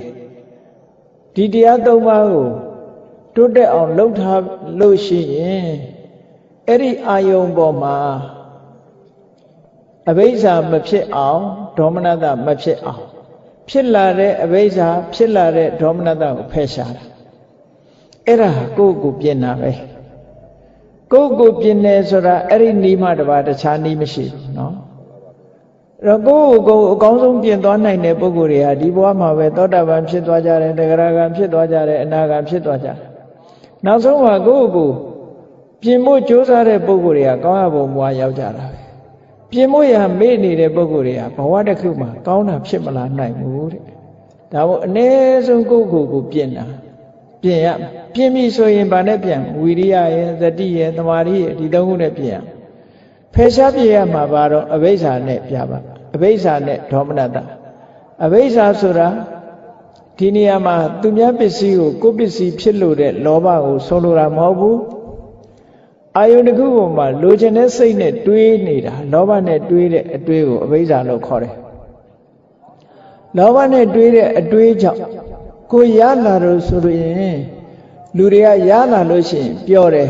မရဘူးသို့မဟုတ်ရပြီးသားလက်လွတ်ဆုံးရှုံးသွားရင်ဝမ်းနေတယ်ကြည်ကွဲတယ်စိုးရိမ်ဟောအဲ့ဒါကဒေါမနတရလို့မှုနဲ့စဉ်းစားတာလောဘနဲ့တွေးတာကအဘိဇ္ဇာ ရပြီးသားလက်လွတ်ဆုံးရှုံးသွားမှစိုးရိမ်တာကဒေါမနတဟောအဲ့ဒီအဘိဇ္ဇာနဲ့ဒေါမနတနှစ်ခုကိုကိုမြင်တဲ့အာယုံကြားတဲ့အာယုံနော်အနတ်အနတ်ရတဲ့အာယုံလျက်ရတဲ့အာယုံထိတွေ့ရတဲ့အာယုံကြံတွေးသိရှိရတဲ့အာယုံတွေပေါ်မှာဒီနှစ်ခုကိုဖယ်ရှားပြစ်နိုင်မယ်ဆိုရင်ဒါကိုယ့်ကိုစောင့်ရှောက်ရရောက်တယ်လို့ဒီလိုပြောတာအဲ့ဒါကြောင့်မို့လို့ကိုယ့်ဘဝကိုပြင်ဆိုတာ အဲ့ဒီနည်းနဲ့ပဲပြင်ရမှာပေါ့ဒါမို့မြတ်စွာဘုရားကအတ္တနင်စေပိယံစညာမိမိကိုချစ်ထိုက်တဲ့ပုဂ္ဂိုလ်ကိုယ့်ကိုချစ်တယ်လို့အသိမှပြုပြီးလူတိုင်းလူတိုင်းကတော့ကိုယ့်ကိုချစ်တယ်လို့ပြောကြမှာပဲကိုယ့်ကိုချစ်တယ်ဆိုတာတကယ်သိလို့ရှိရင်တဲ့ရခိယနံသူရခိတံစောင့်ပါတဲ့ကိုယ့်ကိုထိမ့်သိဆော့ဆော့ပါ အဲ့ဒါလို့ထိမ့်သိဆော့ဆော့တဲ့ခံပါတဲ့တိညာမညတရံယာမပฏิစခေယပဏိတောစဉ်းစားဉာဏ်ရှိတဲ့ပုဂ္ဂိုလ်ဟာတတိလက်လွတ်နေလို့အပြောအပားတွေလိုက်နေရလို့ငယ်ရွယ်သူမို့တတိမမူမီလို့ပထမအရွယ်မှာမဆောင်ရှောက်နိုင်မိဘူးဆိုရင်ဒုတိယအရွယ်မှာဆောင်ရှောက်ဒုတိယအရွယ်မှာမဆောင်ရှောက်နိုင်ဘူးဆိုရင်တတိယအရွယ်မှာဆောင်ရှောက်အောင် တတိယအရွယ်မှာမဆောင်ရှောက်နိုင်ဘူးကိုယ့်ကိုမပြင်းနိုင်ဘူးဆိုလို့ရှိရင်ဒီဘဝအတွက်ဟာကောင်းကျိုးချမ်းသာရဖို့မရှိဘူးတဲ့အဲ့ဒီပုဂ္ဂိုလ်ဟာတတိယဘဝအကျွဲအရွယ်ကိုတတိယအရွယ်ကိုလွန်သွားတာနဲ့တပြိုင်နက်ဒီပုဂ္ဂိုလ်ဟာကိုယ့်ဘဝမှာဘာမှမြောက်လင်းချက်မရှိတော့အဆိုးတန်တရားနဲ့ပဲအဆုံးသတ်သွားလိမ့်မယ်ပေါ့အဲ့ဒါလို့နဲ့အဆုံးသတ်သွားတဲ့ပုဂ္ဂိုလ်တွေလောကမှာမရှိဘူးလားဆိုအများကြီးရှိအဲ့လိုပုဂ္ဂိုလ်ကပိုများတာနော် ကိုယ့်ကိုမပြင်နိုင်လို့ဒုက္ခရောက်သွားတဲ့ပုဂ္ဂိုလ်တွေကဘာဖြစ်လို့လဲဆိုအဝိစိငရဲကိုကြည့်အဝိစိငရဲကြတဲ့ထဲမှာလူသားတွေကပိုများတော့တယ်တိရစ္ဆာန်တွေလည်းကြတော့ကြမှာပေါ့တိရစ္ဆာန်တွေလည်းကြတော့ကြမှာပေါ့သို့တော့လူသားတွေကြဖို့ရပိုများကြတယ်အဝိစိဆိုတဲ့အဓိပ္ပာယ်ကအဝိစိ သူကငရဲရောက်နေတဲ့ပုဂ္ဂိုလ်တွေဟာငရဲသားတယောက်နဲ့တယောက်ခြားမှာအကြာအလတ်မရှိအောင် လူချင်းကိုငရဲသားချင်းညက်နေတယ်လို့ဆိုလိုတာအကြာအလတ်မရှိဘူးဆိုတဲ့အဓိပ္ပာယ်ဝိစီဆိုတာအကြာအလတ်အဆိုတာမရှိဘူးဒါအဓိပ္ပာယ်တစ်ခုဆိုလိုတာကအဘူးထဲမှာအခလေးတွေထည့်ချင်တယ်အဘူးထဲမှာအခလေးတွေထည့်ထားလို့ရှိရင် အဲ့ဒီအခလေးတွေဟာတစ်ခုနဲ့တစ်ခုထိနေသည့်အတွက်ကြောင့်ဂျားဆိုတာမရှိဘူးပေါ့ပဲစီလေးတွေကိုဖန်မလင်းနဲ့ထည့်ထားရင်လည်းဂျားဆိုတာမရှိတော့ဘူးညတ်ထက်တယ်အဝီစီငရဲမှာတတ္တဝါတွေအဲ့လောက်များတယ်လို့ပြောတာနော်အဝီစီနောက်အတိပ္ပယ်တစ်ခုကဘာလဲဆိုရင်အဝီစီအဝီစီငရဲဟာမီးဟုံဟုံတောက်နေတဲ့ငရဲသူကမီးဟုံဟုံတောက်နေတဲ့ငရဲအဲ့ဒီမီးဟုံဟုံတောက်နေတဲ့ငရဲမှာ မီးမလောင်တဲ့အချိန်ပိုင်းလေးအခိုက်အတန့်လေးတောင်မရှိဘူးအမြဲမပြတ်ဒလဇက်မီးတောက်တွေကမိတော့တွေရဲ့ဈာမတောက်တဲ့နေရာဆိုတာမရှိဘူးတဲ့မတောက်တဲ့နေရာဆိုမတောက်တဲ့နေရာပြေးပြီးတော့ခုံလို့ရမှာပေါ့မိမတောက်တဲ့နေရာဆိုတာတခုမှမရှိဘူးအကြာလက်မရှိဘူးအခိဇာလမိလျံတို့ရဲ့အကြာမရှိလို့လေအဝီစိလို့ခေါ်တယ်ဟောနောက်တစ်ခုအကြာမရှိတာဘာတော့ဆိုရင်လူဘဝမှာတစ်ခါတစ်ခါ နော်ခေါင်းကြိုက်တာတို့ခါကြိုက်တာတို့ဆင်းရဲဒုက္ခတွေရှိတယ်ပေါ့အဲဝီစိငရဲမှာခန္ဓာကိုယ်ရဲ့ဒုက္ခဟာတစ်စက္ကန့်လေးမှဒီဒုက္ခတက်တာတာမရှိဘူးဒလဆက်ပဲအမြဲမပြတ်ဆင်းရဲဒုက္ခဖြစ်နေတာအဲ့ဒါကြောင့်မို့လို့ဆင်းရဲဒုက္ခတွေရဲ့အကြာလတ်ဆိုတာလည်းမရှိဘူးတဲ့ဟောအကြာလတ်၃မျိုးခင်းတဲ့ငရဲကိုအဝိစိငရဲလို့ခေါ်တာတတ္တဝါတွေရဲ့အကြာလတ်မရှိဘူး မိလျံတို့ရဲ့အကြာအလတ်ဈာဆိုတာမရှိဘူးဆင်းရဲဒုက္ခတို့ရဲ့အကြာအလတ်ပြတ်ထဆိုတာမရှိဘူးအဲ့ဒါကြောင့်မို့လို့အဝီစီအကြာအလတ်မရှိတဲ့ငရဲလို့မြတ်စွာဘုရားကတာယုဒ္ဓနိကေထဲမှာဆိုရင်ဆလာယတနာဖတ်တငရဲဆိုပြီးတော့ဟောထားတာတခုရှိတယ် ယဟန်တွေကိုမြတ်စွာဘုရားအမိန့်ရှိတယ်ထိတယဟန်တို့လူဘဝရတယ်ဆိုတာမတန်ကံကောင်းကြတယ်တဲ့။ဘာဖြစ်လို့ကံကောင်းလဲဆိုရင်မျက်စိကကောင်းတာလေးတွေမြင်ရတဲ့အချိန်ရှိတယ်တဲ့။နားကလည်းตาရတဲ့အတန်လေးတွေနားထောင်ခွင့်ရှိတယ်။နှာခေါင်းကလည်းမွေးကြိုင်တဲ့အနံကလေးတွေရတဲ့အချိန်ပိုင်းတွေရှိတယ်။လျှာကလည်းကောင်းတဲ့အရာသာလေးခံစားနိုင်တဲ့ခန္ဓာကိုယ်ကလည်းကောင်းတဲ့အထီးတွေ့လေးတွေထီးတွေ့ရတာ။ စိတ်ကလည်းကောင်းတဲ့အတွေးကြံလေးတွေကြံစီခွင့်ရတာလူပြေမှာဆိုရင်မျက်စိနာနာလျာကိုစိတ်နဲ့ပတ်သက်ပြီးတော့အာယုံကောင်းလေးတွေကိုတက်တက်တာတာလေးနဲ့ခံစားနိုင်သေးတယ်အဲ့ဒီသဖတ်တာရဲ့တဏိကငရဲဆိုတာကြတော့တဲ့မျက်စိကမြင်သမျှလည်းပဲမကောင်းတာကြီးပဲအနိဋ္ဌာယုံနေကြီးပဲမြင်တယ်ကြောက်စရာတွေလန့်စရာတွေစိတ်မချမ်းသာစရာတွေပဲမြင်တယ်တဲ့အဲ့ဒီမှာ နားကကြားရတဲ့အတန်တွေကလည်းပဲအမတန်မှဆိုးဝါးတဲ့အတန်ကြီးတွေပဲကြားရမယ်နှာခေါင်းကအနံ့ရှူရတာလည်းအမတန်ဆိုးဝါးတဲ့အနံ့လျှာမှာပေါ်လာတဲ့အရာတာလည်းအလွန်ဆိုးဝါးတဲ့အရာတာခန္ဓာကိုယ်မှာထိတွေ့လာတဲ့အထိတွေ့ရလည်းအလွန်ဆိုးဝါးတယ်နော်စိတ်ထဲမှာပေါ်လို့ကြံတွေးလာတာဆိုတာလည်းအကောင်းတစ်ခုမှမရှိဘူးတဲ့အဲ့ဒါလောက်ထိအောင်အကောင်းကင်းပြီးတော့အဆိုးတွေကြီးဖြစ်နေတာငယ် အဲ့ဒီသဗ္ဗတယရဏိကငရဲဆိုတာတခြားပြောတာမဟုတ်ဘူးတဲ့အဝီစီငရဲကိုပြောတာပဲဒါကြောင့်မလို့အဝီစီငရဲဆိုတဲ့ဒီငရဲကိုခန်းနေကြရတဲ့ပုံကိုယ်တွေဟာဘာကြောင့်ငရဲခံရတာလဲလို့မေးကြည့်လိုက်လို့ရှင်လောဘကိုမထိန်နိုင်လို့ဒေါသကိုမထိန်နိုင်လို့မောဟမထိန်နိုင်လို့အကုသိုလ်စိတ်တွေကိုမထိန်နိုင်သည့်အတွက်ကြောင့်ဒီအကုသိုလ်တွေရဲ့အပြစ်ထံအရာဒုက္ခတွေခံရတာအဲ့တော့ကိုယ့်ကိုပြင်နိုင်တဲ့ပြင်မိုးရာဖြစ်တဲ့ တတ်ကိုယ့်ကိုပြင်မိုးရာအတွက်ဝီရိယတို့တတိတို့တမာရီတို့ကဝီရိယတို့တတိတို့ပညာတို့ကအားနေအားနေသည့်အတွက်ကြောင့်ကိုယ့်ကိုပြင်နိုင်စွာမရှိဘူးလောဘကိုမဖယ်ရှားနိုင်ဘူးဒေါသကိုမဖယ်ရှားနိုင်ဘူးဒါကြောင့်မို့လို့အပေကိုကြောက်စေတတ်တဲ့လောဘဒေါသတွေရဲ့စွမ်းအားကြောင့်ကိုယ်ဆန္ဒမရှိဘဲနဲ့အပေငရဲဆိုကြသွားကြရတယ်အပင်ငရဲဆိုတာနဲ့ပတ်သက်ပြီးတော့ ပါဠိစာပေမှာအပါယံထုတ်ကတေဝိနိပါတံနိရယံဆိုပြီးတော့စကလုံးလေးလုံးကိုသုံးထားတာရှိတယ်အဲ့ဒီစကလုံးသုံးလုံးလေးလုံးကအပယ်လေးပုံကိုရည်ညွှန်းတဲ့အခါရည်ညွှန်းတယ်တခါတရံကျတော့အဲ့ဒီငရဲပုံကိုရည်ညွှန်းတာလည်းရှိတယ်အပါယဆိုတဲ့အဓိပ္ပာယ်ကပါလဲလို့ဆိုရင်အပအာယအာယဆိုတာချမ်းသာဒုက္ခချမ်းသာဒုက္ခမရှိလို့အပါယလို့ခေါ်တာ အမတမဆင်းရဲဒုက္ခတွေအတိအမတမများတယ်နောက်တနည်းကတော့အာယဆိုတာဒီအပအာယချမ်းသာဒုက္ခတွေကကင်းကွာတယ်နောက်တနည်းကတော့ကုသိုလ်စိတ်ဖြစ်မှုကကင်းကွာတယ်အားနေတယ်ကုသိုလ်စိတ်ဖြစ်ဖို့မရှိဘူးဒါကြောင့်မလို့အပါယလို့ခေါ်တာဒုက္ခတိဆိုတာဒုက္ခတဂတိတဲ့ဆင်းရဲဒုက္ခတွေကြီးပဲဖြစ်တယ် ဒုက္ခဆိုတာမလာဘူးဒုက္ခတွေကြီးပဲလာတယ်ဒါကြောင့်မို့ဒုက္ခတိအပါယဒုက္ခတိဝိနိပါဒဆိုတာနိပါဒဝိဆိုတာကိုယ့်ရဲ့ဆန္ဒမပါဘဲနဲ့ကိုဖြစ်ချင်တာဒါဖြစ်တာကတခြားနော်လောကမှာလူဘဝမှာကိုဖြစ်ချင်တာလေးတွေဖြစ်ခွင့်ရှိသေးတယ်လေငရဲကြတော့ကိုဖြစ်ချင်တာကတစ်မျိုးဖြစ်နေတာကတစ်မျိုးအဲ့ဒါကိုပြောတာ ဝိနိပါဒဆိုတာကိုယ့်ရဲ့ဆန္ဒလုံးဝနဲ့မကိုက်ညီတဲ့ဖယုဖယဲဖြစ်နေမှုတွေနဲ့ကြုံတွေ့ရတယ်လို့နော်ဝိနိပါဒကိုယ့်ရဲ့ဆန္ဒမပါဘဲနဲ့ဖယုဖယဲပြိုကွဲလဲကြခြင်းဆိုတဲ့အနေအထားမျိုးနဲ့ဒီအဓိပ္ပာယ်ကိုဝိနိပါဒလို့ပြောတာနိရယဆိုတာနိအယအဲ့ဒီမှာလည်းပဲ တတဝယ်ဖြစ်တဲ့ဒုက္ခဆိုတာလုံးဝရှာမတွေ့လို့လုံးဝဒုက္ခကင်းတဲ့ဘုံလို့ဒီလိုဆိုလို့တယ်အဲ့တော့အပယ်လေးဘုံသုံးဘုံငရဲဘုံဆိုတာတခုမှကောင်းတာမရှိဘူးအဲ့ဒီမရှိတဲ့ဘုံကိုဘယ်သူကနေဆောင်ကျင်းသွားတာတုံးလို့ဆိုရင်ခုနကလောဘဒေါသမောဟတွေကဆောင်ကျင်းသွားတာပဲအဲ့ဒီလောဘဒေါသတွေဟာကိုကမထိန်နိုင်ဘူးဆိုလို့ရှိရင်ကိုယ်စိတ်ကိုလွှမ်းမိုးပြီးတော့သွားပြီဆိုလို့ရှိရင်ဒီပုဂ္ဂိုလ်တွေဒုက္ခရောက်တော့တာပဲပေါ့ ကြည့်ရှင်ဒေဝရကြီးကိုကြည့်ကြည့်အမတန်ထင်ရှားတဲ့တာရကတစ်ခု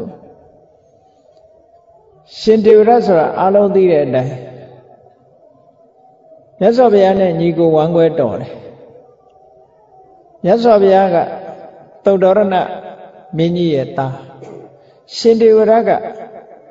ဒီသုတ္တရဏမင်းကြီးဒီမြတ်စွာဘုရားကသုတ္တရဏမင်းကြီးနဲ့မေရောမာယာတို့ရဲ့သားတော် ရှင်ဒေဝရရဲ့အဖေကမေရောမာယာရဲ့မောင်သုပ္ပဗုဒ္ဓအဲ့တော့မေရောမာယာနဲ့သုပ္ပဗုဒ္ဓတို့ကမောင်နှမအရင်ကြီးမောင်နှမအရင်မွေးထားတယ်လို့ဒီလိုပြောမောင်နှမအရင်မွေးထားတာပြီးတော့ရတော်ရရဲ့မောင်အရင်ပေါ့အဲ့ဒါလို့မျိုးရိုးဟာအမတန်မှကောင်းပါရဲ့တန်းနဲ့မူလ စိတ်ထားမှန်ကန်တဲ့အချိန်တုန်းကတော့သူလည်းမင်းသားပဲပညာတတ်ပဲအညံသားမဟုတ်ဘူးအသိဉာဏ်ရှိတဲ့ပုဂ္ဂိုလ်ပဲမြတ်စွာဘုရားဘုရားဖြစ်သူရောက်တဲ့အခါမှာတာကပိမင်းသား6ယောက်သင်္ကန်းဝတ်တဲ့ထဲမှာသူပါတယ်ရှင်အနန္ဒာတို့နဲ့တူတူသာသနာပေါင်းဝင်လာတာအဲ့ဒီတိအောင်သူကလူတော်လူကောင်းတယောက်ပဲရှင်အနန္ဒာတို့နဲ့တူသာသနာပေါင်းဝင်လာတဲ့အချိန်မှာ ရှန္ဒနာကပထမရောက်စဝါမှာပဲသောတာပန်ဖြစ်သွားတယ်ရှင်ထေဝရကတော့သူကပုရုဇဉ်ဘဝနဲ့ပဲတကောအဋ္ဌိပတ်တွေရတမထကျင့်စဉ်တခုကိုကျင့်လို့ဇံဘိညင်တွေရလူညံ့မဟုတ်ဘူးနော်လူညံ့မဟုတ်ဘူးမျိုးရိုးလဲကောင်းတယ်အသိဉာဏ်လည်းရှိတယ်အဲ့ဒါလို့ဖြစ်သွားရကသူ့စိတ်ကိုသူထိမ့်မို့ရမထိမ့်လို့ဖြစ်သွားတာကိုယ့်ကိုမပြင်လို့ တကယ်သူမျိုးရိုးအကောင်နော်မျိုးရိုးအကောင်ဇာဘိညာဉ်တွေတောင်ရတယ်တကောဘိညာဉ်တွေနဲ့သူပြည့်စုံတယ်သူ့စိတ်ထဲမှာဘာဖြစ်လာသလဲလို့ဆိုလို့ရှိရင်သူအားမလို့အားမရဖြစ်လာတာကတခြားမဟုတ်ဘူးမြတ်စွာဘုရားနာမှာအရေးပေးခံရတာကရှင်သာရိပုတ္တရာတို့ရှင်မောက္ခလန်တို့ပဲဘာလို့လဲဆိုသူတို့ကလည်းစုကြည်ပန်လာတဲ့ပုံကိုယ်တွေလေ ဒီနေရာရောက်အောင်စုပန်ပြီးတော့ပါရမီဖြည့်လာတဲ့ပုံကိုယ်တွေပဲအဲ့ဒီမှာသူကသူ့ကိုပဲအရေးပေးစေချင်တာဟုတ်အဲ့တော့သူကအရေးပေးလောက်တဲ့အဆင့်ကမရှိဘူးအဲ့တော့ကိုယ်အဆင့်ကိုမသိပဲနဲ့သူကဘာဘာလောက်လာလဲလို့ဆိုရင်မြတ်စွာဘုရားကသူ့ပေါ်မှာအရေးမပေးဘူးဆိုပြီးတော့စိတ်ကဘုရားပေါ်မှာအတေးအမှတ်တွေဖြစ်လာအတေးအမှတ်တွေဖြစ်လာ တရားဓမ္မတွေကလည်းပဲဘုရားကြောင်းတော်လာလို့ရှိရင်မြတ်စွာဘုရားကိုဖူးဖူးပြီးရင်ဘယ်မှာတော့ရှင်သာရိပုတ္တရာဘယ်မှာတော့ရှင်မာမောက္ကလန်နဲ့ဒီပြည့်ပုဂ္ဂိုလ်တွေဒါမေးပြီးတော့တွားရောက်ကြောကြတယ်ဘယ်မှာတော့ရှင်တေဝရလို့မေးမဲ့ပုဂ္ဂိုလ်ကမရှိဘူးအဲ့ဒါတွေကသူ့အဖို့ခံမြင်စရာတွေဖြစ်လာတယ်ပေါ့အဲ့ဒါတွေကိုသူစိတ်ထဲမှာမထားဘဲနဲ့ကိုတရားကိုနှလုံးသွင်းမယ်ဆိုရင်ဒီလိုအဖြစ်မျိုးရောက်မှာမဟုတ်ဘူးသို့တော့ သူကအဲ့ဒါလိုစိတ်ဓာတ်တွေကရှိလာတဲ့အခါကျတော့မြတ်စွာဘုရားကလည်းငါ့ကိုအလေးမပေးဘူးပေါ့တရားတော်မတွေလည်းငါ့ကိုမတိကြိုးကြုံပြုတယ်အဲ့ဒီမှာစိတ်ဓာတ်ကဘယ်လိုဖြစ်လာတော့ဆိုလို့ရှိရင်နာမည်ကြီးကျင်တဲ့စိတ်တွေမကောင်းတဲ့အတွေးအခေါ်တွေဝင်လာနောက်ဆုံးဘယ်လောက်ထိအောင်ဖြစ်လာတော့ဆို မြတ်စွာဘုရားကပရိသတ်အလယ်မှာတရားဟောနေတဲ့အချိန်မှာတက်ပြီးတော့ဖះကိုသွားပြီးတော့တောင်းဆိုတယ်သူကမတောင်းဆိုတော့ဆိုမြတ်စွာဘုရားအသက်ကြီးပြီပေါ့အဲ့ဒီအချိန်မှာတက်တော့80ကျော်သွားတဲ့အချိန်မှာဖះကိုရှင်ဘုရားအသက်ကြီးပြီတန်ခါပရိသတ်ကိုသူ့လွှဲပါအဲ့လောက်ထိအောင်သူကဖြစ်ချင်လာမအောင်နိုင်တော့ဘူးတက်ပြီးတော့တောင်းဆိုတဲ့အခါမှာမြတ်စွာဘုရားက မှတ်လောက်သားလောက်အောင်သူပြောလိုက်တဲ့စကားလေးကသူ့စိတ်ထဲမှာနာကြီးသွားတယ်ဖះကဘာပြောတာလဲဆို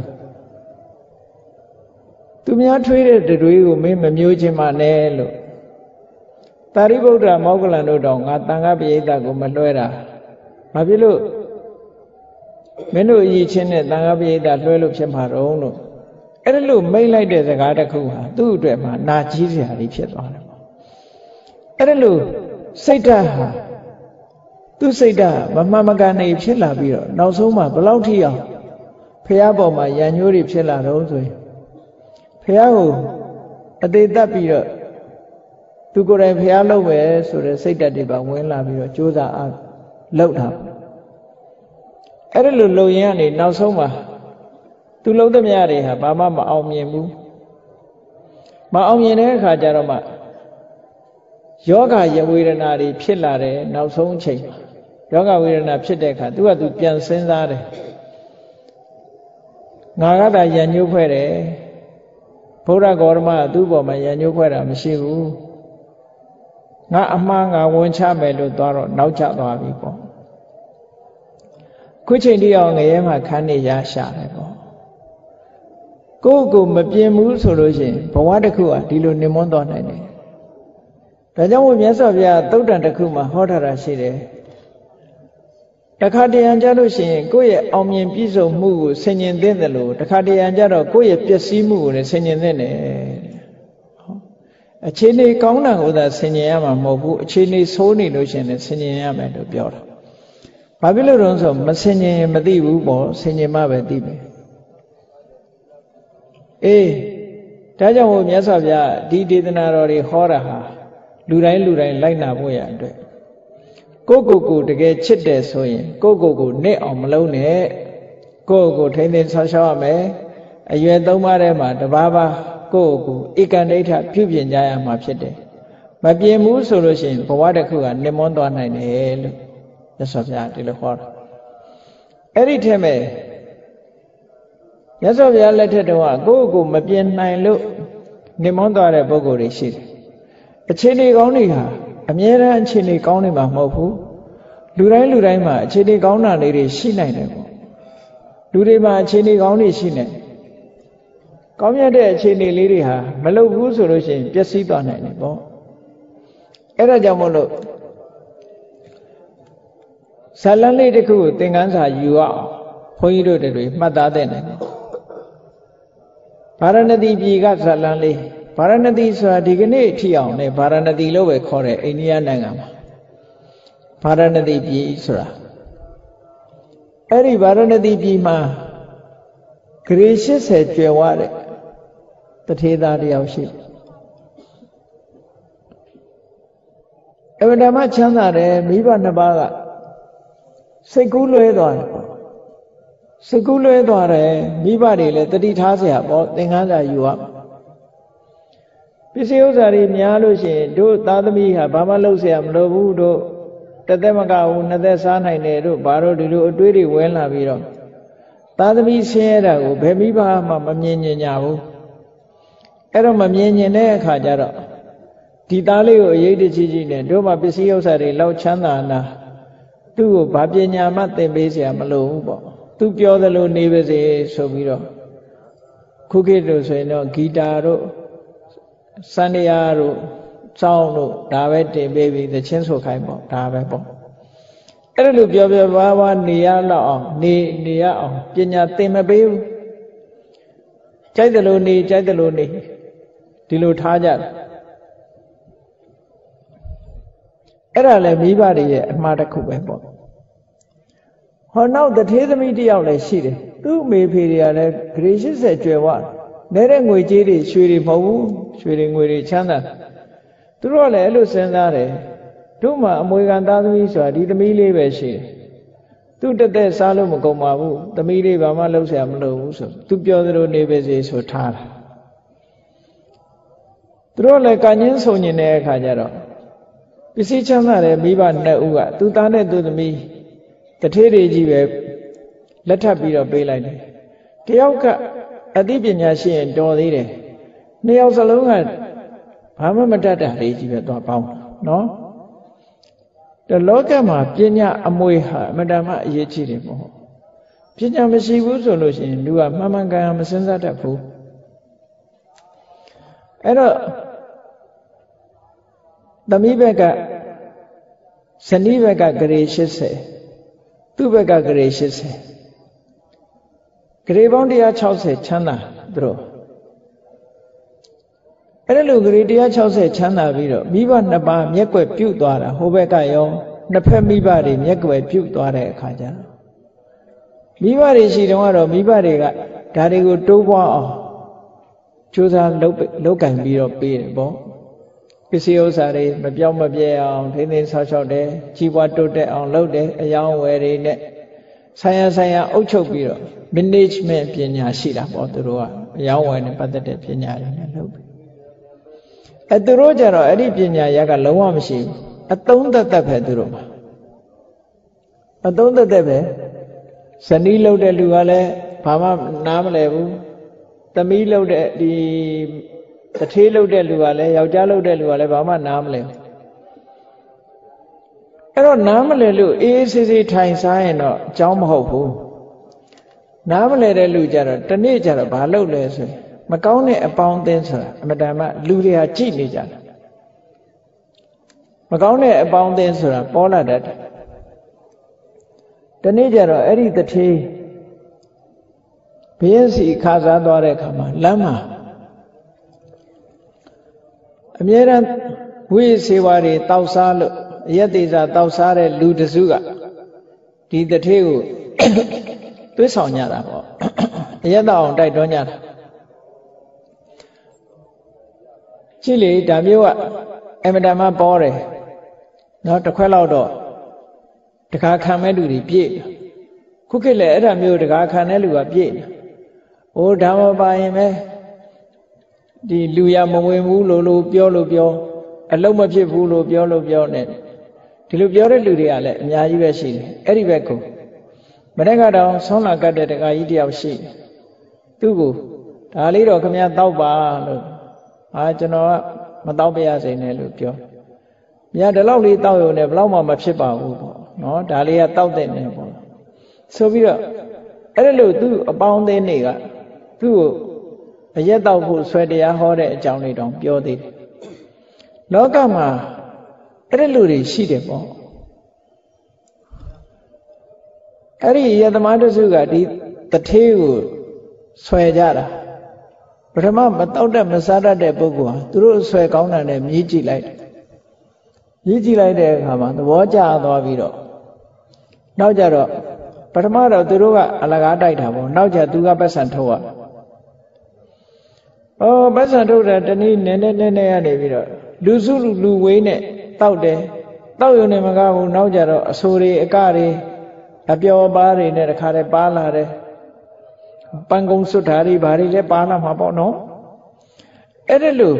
ပတ်စံကုံမဲ့ကိစ္စတွေအများကြီးဝင်လာတယ်အဲ့ထင်ကြီးကျယ်လာတယ်ပေါ့တဖြည်းဖြည်းအဲ့လိုကြီးကျယ်လာတာသုံးလိုက်ဖြုံးလိုက်တာဂရေ160ဟာသူတို့အနှစ်340လောက်သုံးတဲ့အခါကျကုန်တယ်ပေါ့ ဒါတစ်နှစ်နှစ်နှစ်တော့မကုန်ဘူးပေါ့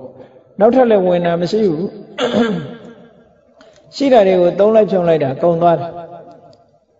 အဲသူ့ဘက်ကပါတဲ့ဂရေ80ကုန်သွားတော့ဇနီးဘက်ကပါတဲ့ဂရေ80ကိုဆက်သုံးတယ်မရဘူးရလို့လည်းမရတော့ဘူးအဲ့ဒီချိန်မှာအဲ့ဒီကနေသုံးလိုက်တာပတ်စံနေကုံသွားပြီဆိုတဲ့အခါဘာလို့တော့ သူပိုင်တဲ့မြေတွေရှိတယ်ဥယျာဉ်တွေရှိတယ်ခြံတွေရှိတယ်အိမ်တွေယာတွေရှိတယ်အဲ့ဒါတွေရောင်းတယ်ရောင်းတယ်သုံးတယ်နောက်ဆုံးကြတော့နေတဲ့အိမ်တောင်ပေါင်ပြီးတော့သုံးတာလေသူနေတဲ့အိမ်တောင်လိုက်တယ်ပေါင်လိုက်တဲ့အခါကျတော့အပေါင်ကဆုံးသွားအပေါင်ဆုံးတော့အိမ်ပေါင်ခံတဲ့လူကသူ့ကိုနှင်ချတော့တာပေါ့နောက်ဆုံးကြ ကျွေးတွေပေးရမယ့်လူကလည်းသူ့ကျွေးမပေးတော့ဘူးပျက်စီးသွားပြီလေအဲ့လိုကျွေးမပေးကြတော့ဘူးအားလုံးနောက်ဆုံးကြတော့သူတို့ဇနီးမောင်နှံနှစ်ယောက်ဟာအဝတ်ထထဲကိုတစ်ခုနဲ့ထမင်းခွက်ကလေးကင်ပြီးတော့အိမ်မော်ကနေဆင်းပေးရတဲ့အဆင့်ရောက်သွားတာဒါတကယ်ဖြစ်ပျက်ခဲ့တဲ့အဖြစ်ပျက်တစ်ခုပဲပေါ့အဲ့ဒါလို့ဖြစ်သွားတဲ့အခါမှာ တာဝတိမြို့ထဲမှာဟိုအိန္ဒိကပေးတဲ့ထမင်းညာဟင်းညာလေးတွေနဲ့တောင်းစားပြီးတော့နော်တထေးဘဝကနေအဲ့ဒီလိုအခြေအနေဆိုးသွားတနေ့ကျတော့မြတ်စွာဘုရားဆုံးခံတာသူတို့မြင်တယ်အတော်ဆင်းရဲဒုက္ခရောက်ပြီအဲ့ဒီအချိန်ကျတော့သူတို့နှစ်ယောက်စလုံးဟာဖိုးကြီးဖွားကြီးဖြစ်နေမျောလင်းချက်ကမရှိတော့ငယ်ရွယ်သူဆိုရင်ပြန်ပြီးစီးပွားရေးထူထောင်လို့ရအောင်မယ်ပညာကတော့မရှိ အဲ့ဒီအချိန်မှာသူတို့ကအရွယ်လွန်နေတဲ့အဖိုးကြီးဖွားကြီးတွေဖြစ်သွားကြတယ်သုံးလိုက်ဖြုံလိုက်တာအဖိုးဖွားဖြစ်တဲ့အချိန်မှာကုံနံနဲ့သွားကြိုက်အဲ့ဒါလိုတောင်းစားရတဲ့အခြေအနေရောက်တာကိုမြတ်စွာဘုရားမြင်တော့ရှင်အနန္ဒာကိုပြောတယ်အနန္ဒာတွေ့လာဟုတ်အဖိုးကြီးနဲ့ဖွားကြီးတာမန်မဟုတ်ဘူးမင်းဒီဒီဒီမျိုးကတထေးကြီးအဲ့ဒါဒီမျိုးကတထေး သူ့ဘက်ကလည်းပဲဂရေ6ဂရေ80ကျွယ်ဝတယ်သူဇနီးဘက်ကလည်းဂရေ80ကျွယ်ဝတယ်အဲ့ဒါတွေကိုထိမ့်သိမ်းဆောက်ရှောက်နိုင်ခြင်းမရှိကိုယ့်ကိုယ်မပြင်းလို့အပျော်ပါနဲ့တုံးလိုက်ဖြုံးလိုက်တာသူ့ဘဝမှာအနည်း50လောက်ကြာတဲ့အခါမှာရှိသမျှတွေအကုန်ကုန်ပြီးတော့အခုဒီဘဝရောက်သွားတာတဲ့အဲ့ဒီမှာမြတ်စွာဘုရားဟောတာလေးကိုတတိထားဖို့လိုအပ်တာဒီတထေးဟာတဲ့သူ့ မိဘတွေရဲ့အမွေပစ္စည်းတွေနဲ့ပထမအရွယ်မှာအယောင်းဝယ်လှုပ်လိုက်မယ်ဆိုရင်ဒီမျိုးမှာပထမရန်တထေးကြီးဖြစ်မှာပထမအရွယ်မှာလှုပ်ရင်ပထမရန်တထေးကြီးဖြစ်မယ်တဲ့သာသနာပေါင်းဝင်ပြီးတော့တရားဓမ္မကျင့်မယ်ဆိုရင်ယဟနာဖြစ်မယ်ဟောဒီလိုဆိုလိုတာဇနီးလှုပ်တဲ့ပုဂ္ဂိုလ်က အဲ့ဒီပထမအရွယ်မှာတရားနှလုံးသွင်းမယ်ဆိုရင်အနာဂံဖြစ်နိုင်တယ်အဲ့ဒါလည်းကုံသွားရောဒုတိယအရွယ်ရောက်သွားတယ်ဆိုပါတော့ပထမအရွယ်ဆိုတာအသက်33နှစ်34နှစ်ကနေပြီးတော့66နှစ်အထိဒုတိယအရွယ်ပေါ့အဲ့ဒီဒုတိယအရွယ်မှာပထမအရွယ်မှာမရှာနိုင်လို့ဒုတိယအရွယ်မှာစီးပွားရှာမယ်ဆိုရင်ဒုတိယတန်တတိဖြစ်နိုင်သေးတယ် အဲ့ဒါဘာကိုပြတာတုံးဆိုတော့လူဟာအသက်ကြီးလာလေဆုပ်ယုပ်သွားလေဆိုတာကိုလည်းတန်ဝေကယူစရာတစ်ခုပေါ့နော်အသက်အရွယ်ကြီးလာရင်တံပိုးလည်းကြကြသွားတတ်တယ်ပေါ့အဲ့တော့ဒုတိယရန်တတိဖြစ်နိုင်တယ်တဲ့တရားဓမ္မအထုတ်မယ်ဆိုရင် तू ကအနာဂံဖြစ်ပြီးတော့သူဇနီးကတဂရကံတော့တော့ဖြစ်နိုင်သေးတယ်ဟောဒုတိယအရွယ်ရောက်တဲ့အခါမှာအဆင့်တစ်ခုယော့သွားတယ်နော် အေး66နှစ်ကနေ68နှစ်ကနေစပြီးတော့69နှစ်ဒါတတိယအရွယ်လို့ခေါ်တယ်အဲ့ဒီကိုတတိယအရွယ်ရောက်တဲ့အချိန်မှာတဲ့သူအတိတရားဝင်ပြီးတော့စီဝဥစ္စာတွေပြန်ကြိုးစားလိုက်မယ်ဆိုရင်တတိယတထေးလောက်တော့ဖြစ်နိုင်သေးတယ်တတိယဓာန်တထေးလောက်တော့ဖြစ်နိုင်တယ်သာသနာ့ဘဝမှာဝင်ပြီးတော့ယဟန်တရားအထုတ်မယ်ဆိုရင်တဂရကံလောက်တော့ဖြစ်အောင်မယ် သူဇနီးကတတ္တဗံလောက်ဖြစ်နိုင်သေးတယ်အခုတော့အိုမင်းမစွမ်းဖြစ်သွားကြပြီတဲ့ပထမအရွယ်လဲကုံသွားပြီဒုတိယအရွယ်လဲကုံသွားပြီတတိယအရွယ်လဲကုံသွားပြီအရွယ်သုံးပါးကုံသွားတဲ့အခါမှာဘာဖြစ်လဲလို့ဆိုရင်နော်မြောက်တဲ့ကိုင်းလို့ကက်တောင်ကျွတ်ဆိုတာကြားဦးကြလိမ့်မယ်မာစကားမြောက်ဟာတစ်ကိုင်းလွတ်သွားရင်ပြီးပြီလေမျောလင်းချက်မရှိတော့ဘူးငှက်ဟာ အတောင်ကျွတ်သွားတဲ့ငှက်ဟာလည်းမျောလင်းချက်မရှိဘူးလေအတောင်တွေကျွတ်နေလို့ရှိရင်ဘယ်လိုလုပ်ပြန်နိုင်တော့မှာတော့အဲ့ဒါကိုမြတ်စွာဘုရားသခင်ကိုရောမြတ်ကသင်္ကန်းစာယူဖို့ဆိုပြီးတော့ယဟန်နေကိုဟောတယ်အစရိတဝဗျမစရိယံအလတ္တယုပနိတနအရွယ်ကောင်းတဲ့အချိန်မှာစီဝဥစ္စာရှာ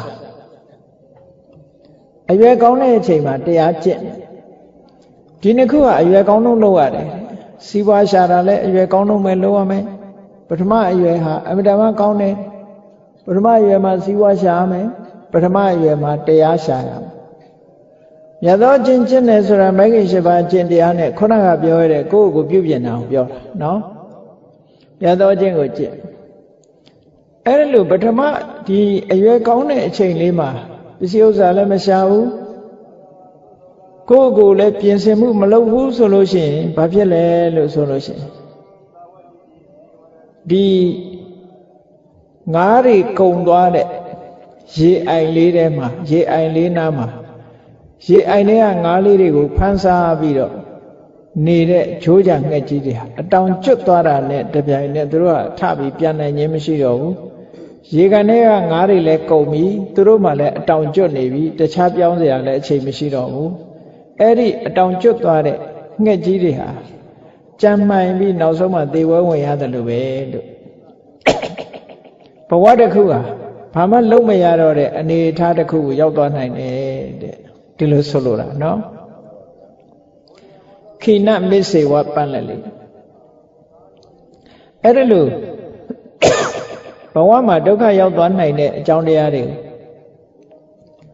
လူဟာကိုယ့်ဘဝကို ပြင်ပြီးတော့စီဝါရှာရမယ်အချိန်စီဝါရှာရမယ်ကိုချင်းတရားကောင်းအောင်ပြုပြင်ပြီးတော့တရားရှာရမယ်အချိန်တရားရှာရမယ်အဲ့ဒီနှစ်ခုမှမလုပ်ဖဲနဲ့အရွယ်သုံးပါးကိုကုံလွန်သွားစေမယ်ဆိုလို့ရှိရင်ဘဝဟာဆုံးရှုံးနေတာခြင်းနဲ့ပဲရင်ဆိုင်ရမယ် ဒီဘဝမှာဆုံးရှုံးသွားရင် နောက်ဘဝမှာကောင်းလာမှာမဟုတ်ဘူးတဲ့နောက်ဘဝမှာဒီတဲ့ဆုံးရှုံးနေတာသွားဖို့ပဲရှိတယ်တဖြည်းဖြည်းဗာနဲ့ဥပမာတူတော့ဆိုရင်တွင်းတွင်းတွင်းတူးတဲ့လူနဲ့ဥပမာတူတယ်တွင်းတူးတဲ့လူဟာတွင်းနဲ့လေလူကအောက်ရောက်သွားလေတွင်းနဲ့လေလူကအောက်ရောက်သွားလေပဲ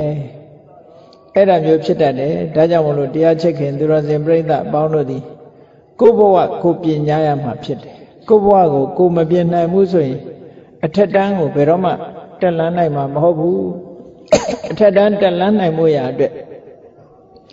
ကိုယ့်ကိုချစ်ခင်မြတ်နိုးတဲ့ပုံကိုယ်တွေပြီးပြီးကိုယ့်ဘဝကိုထိမ့်သိမ်းဆောက်ရှောက်ရမယ်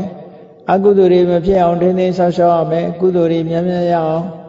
ကြိုးစားအားထုတ်ကြရမှာလို့ဒီလိုကိုစီကိုစီတတိတရားရပြီးတော့ကျင့်ကြံကြိုးကုပ်အားထုတ်နိုင်ကြပါစေကုန်တည်း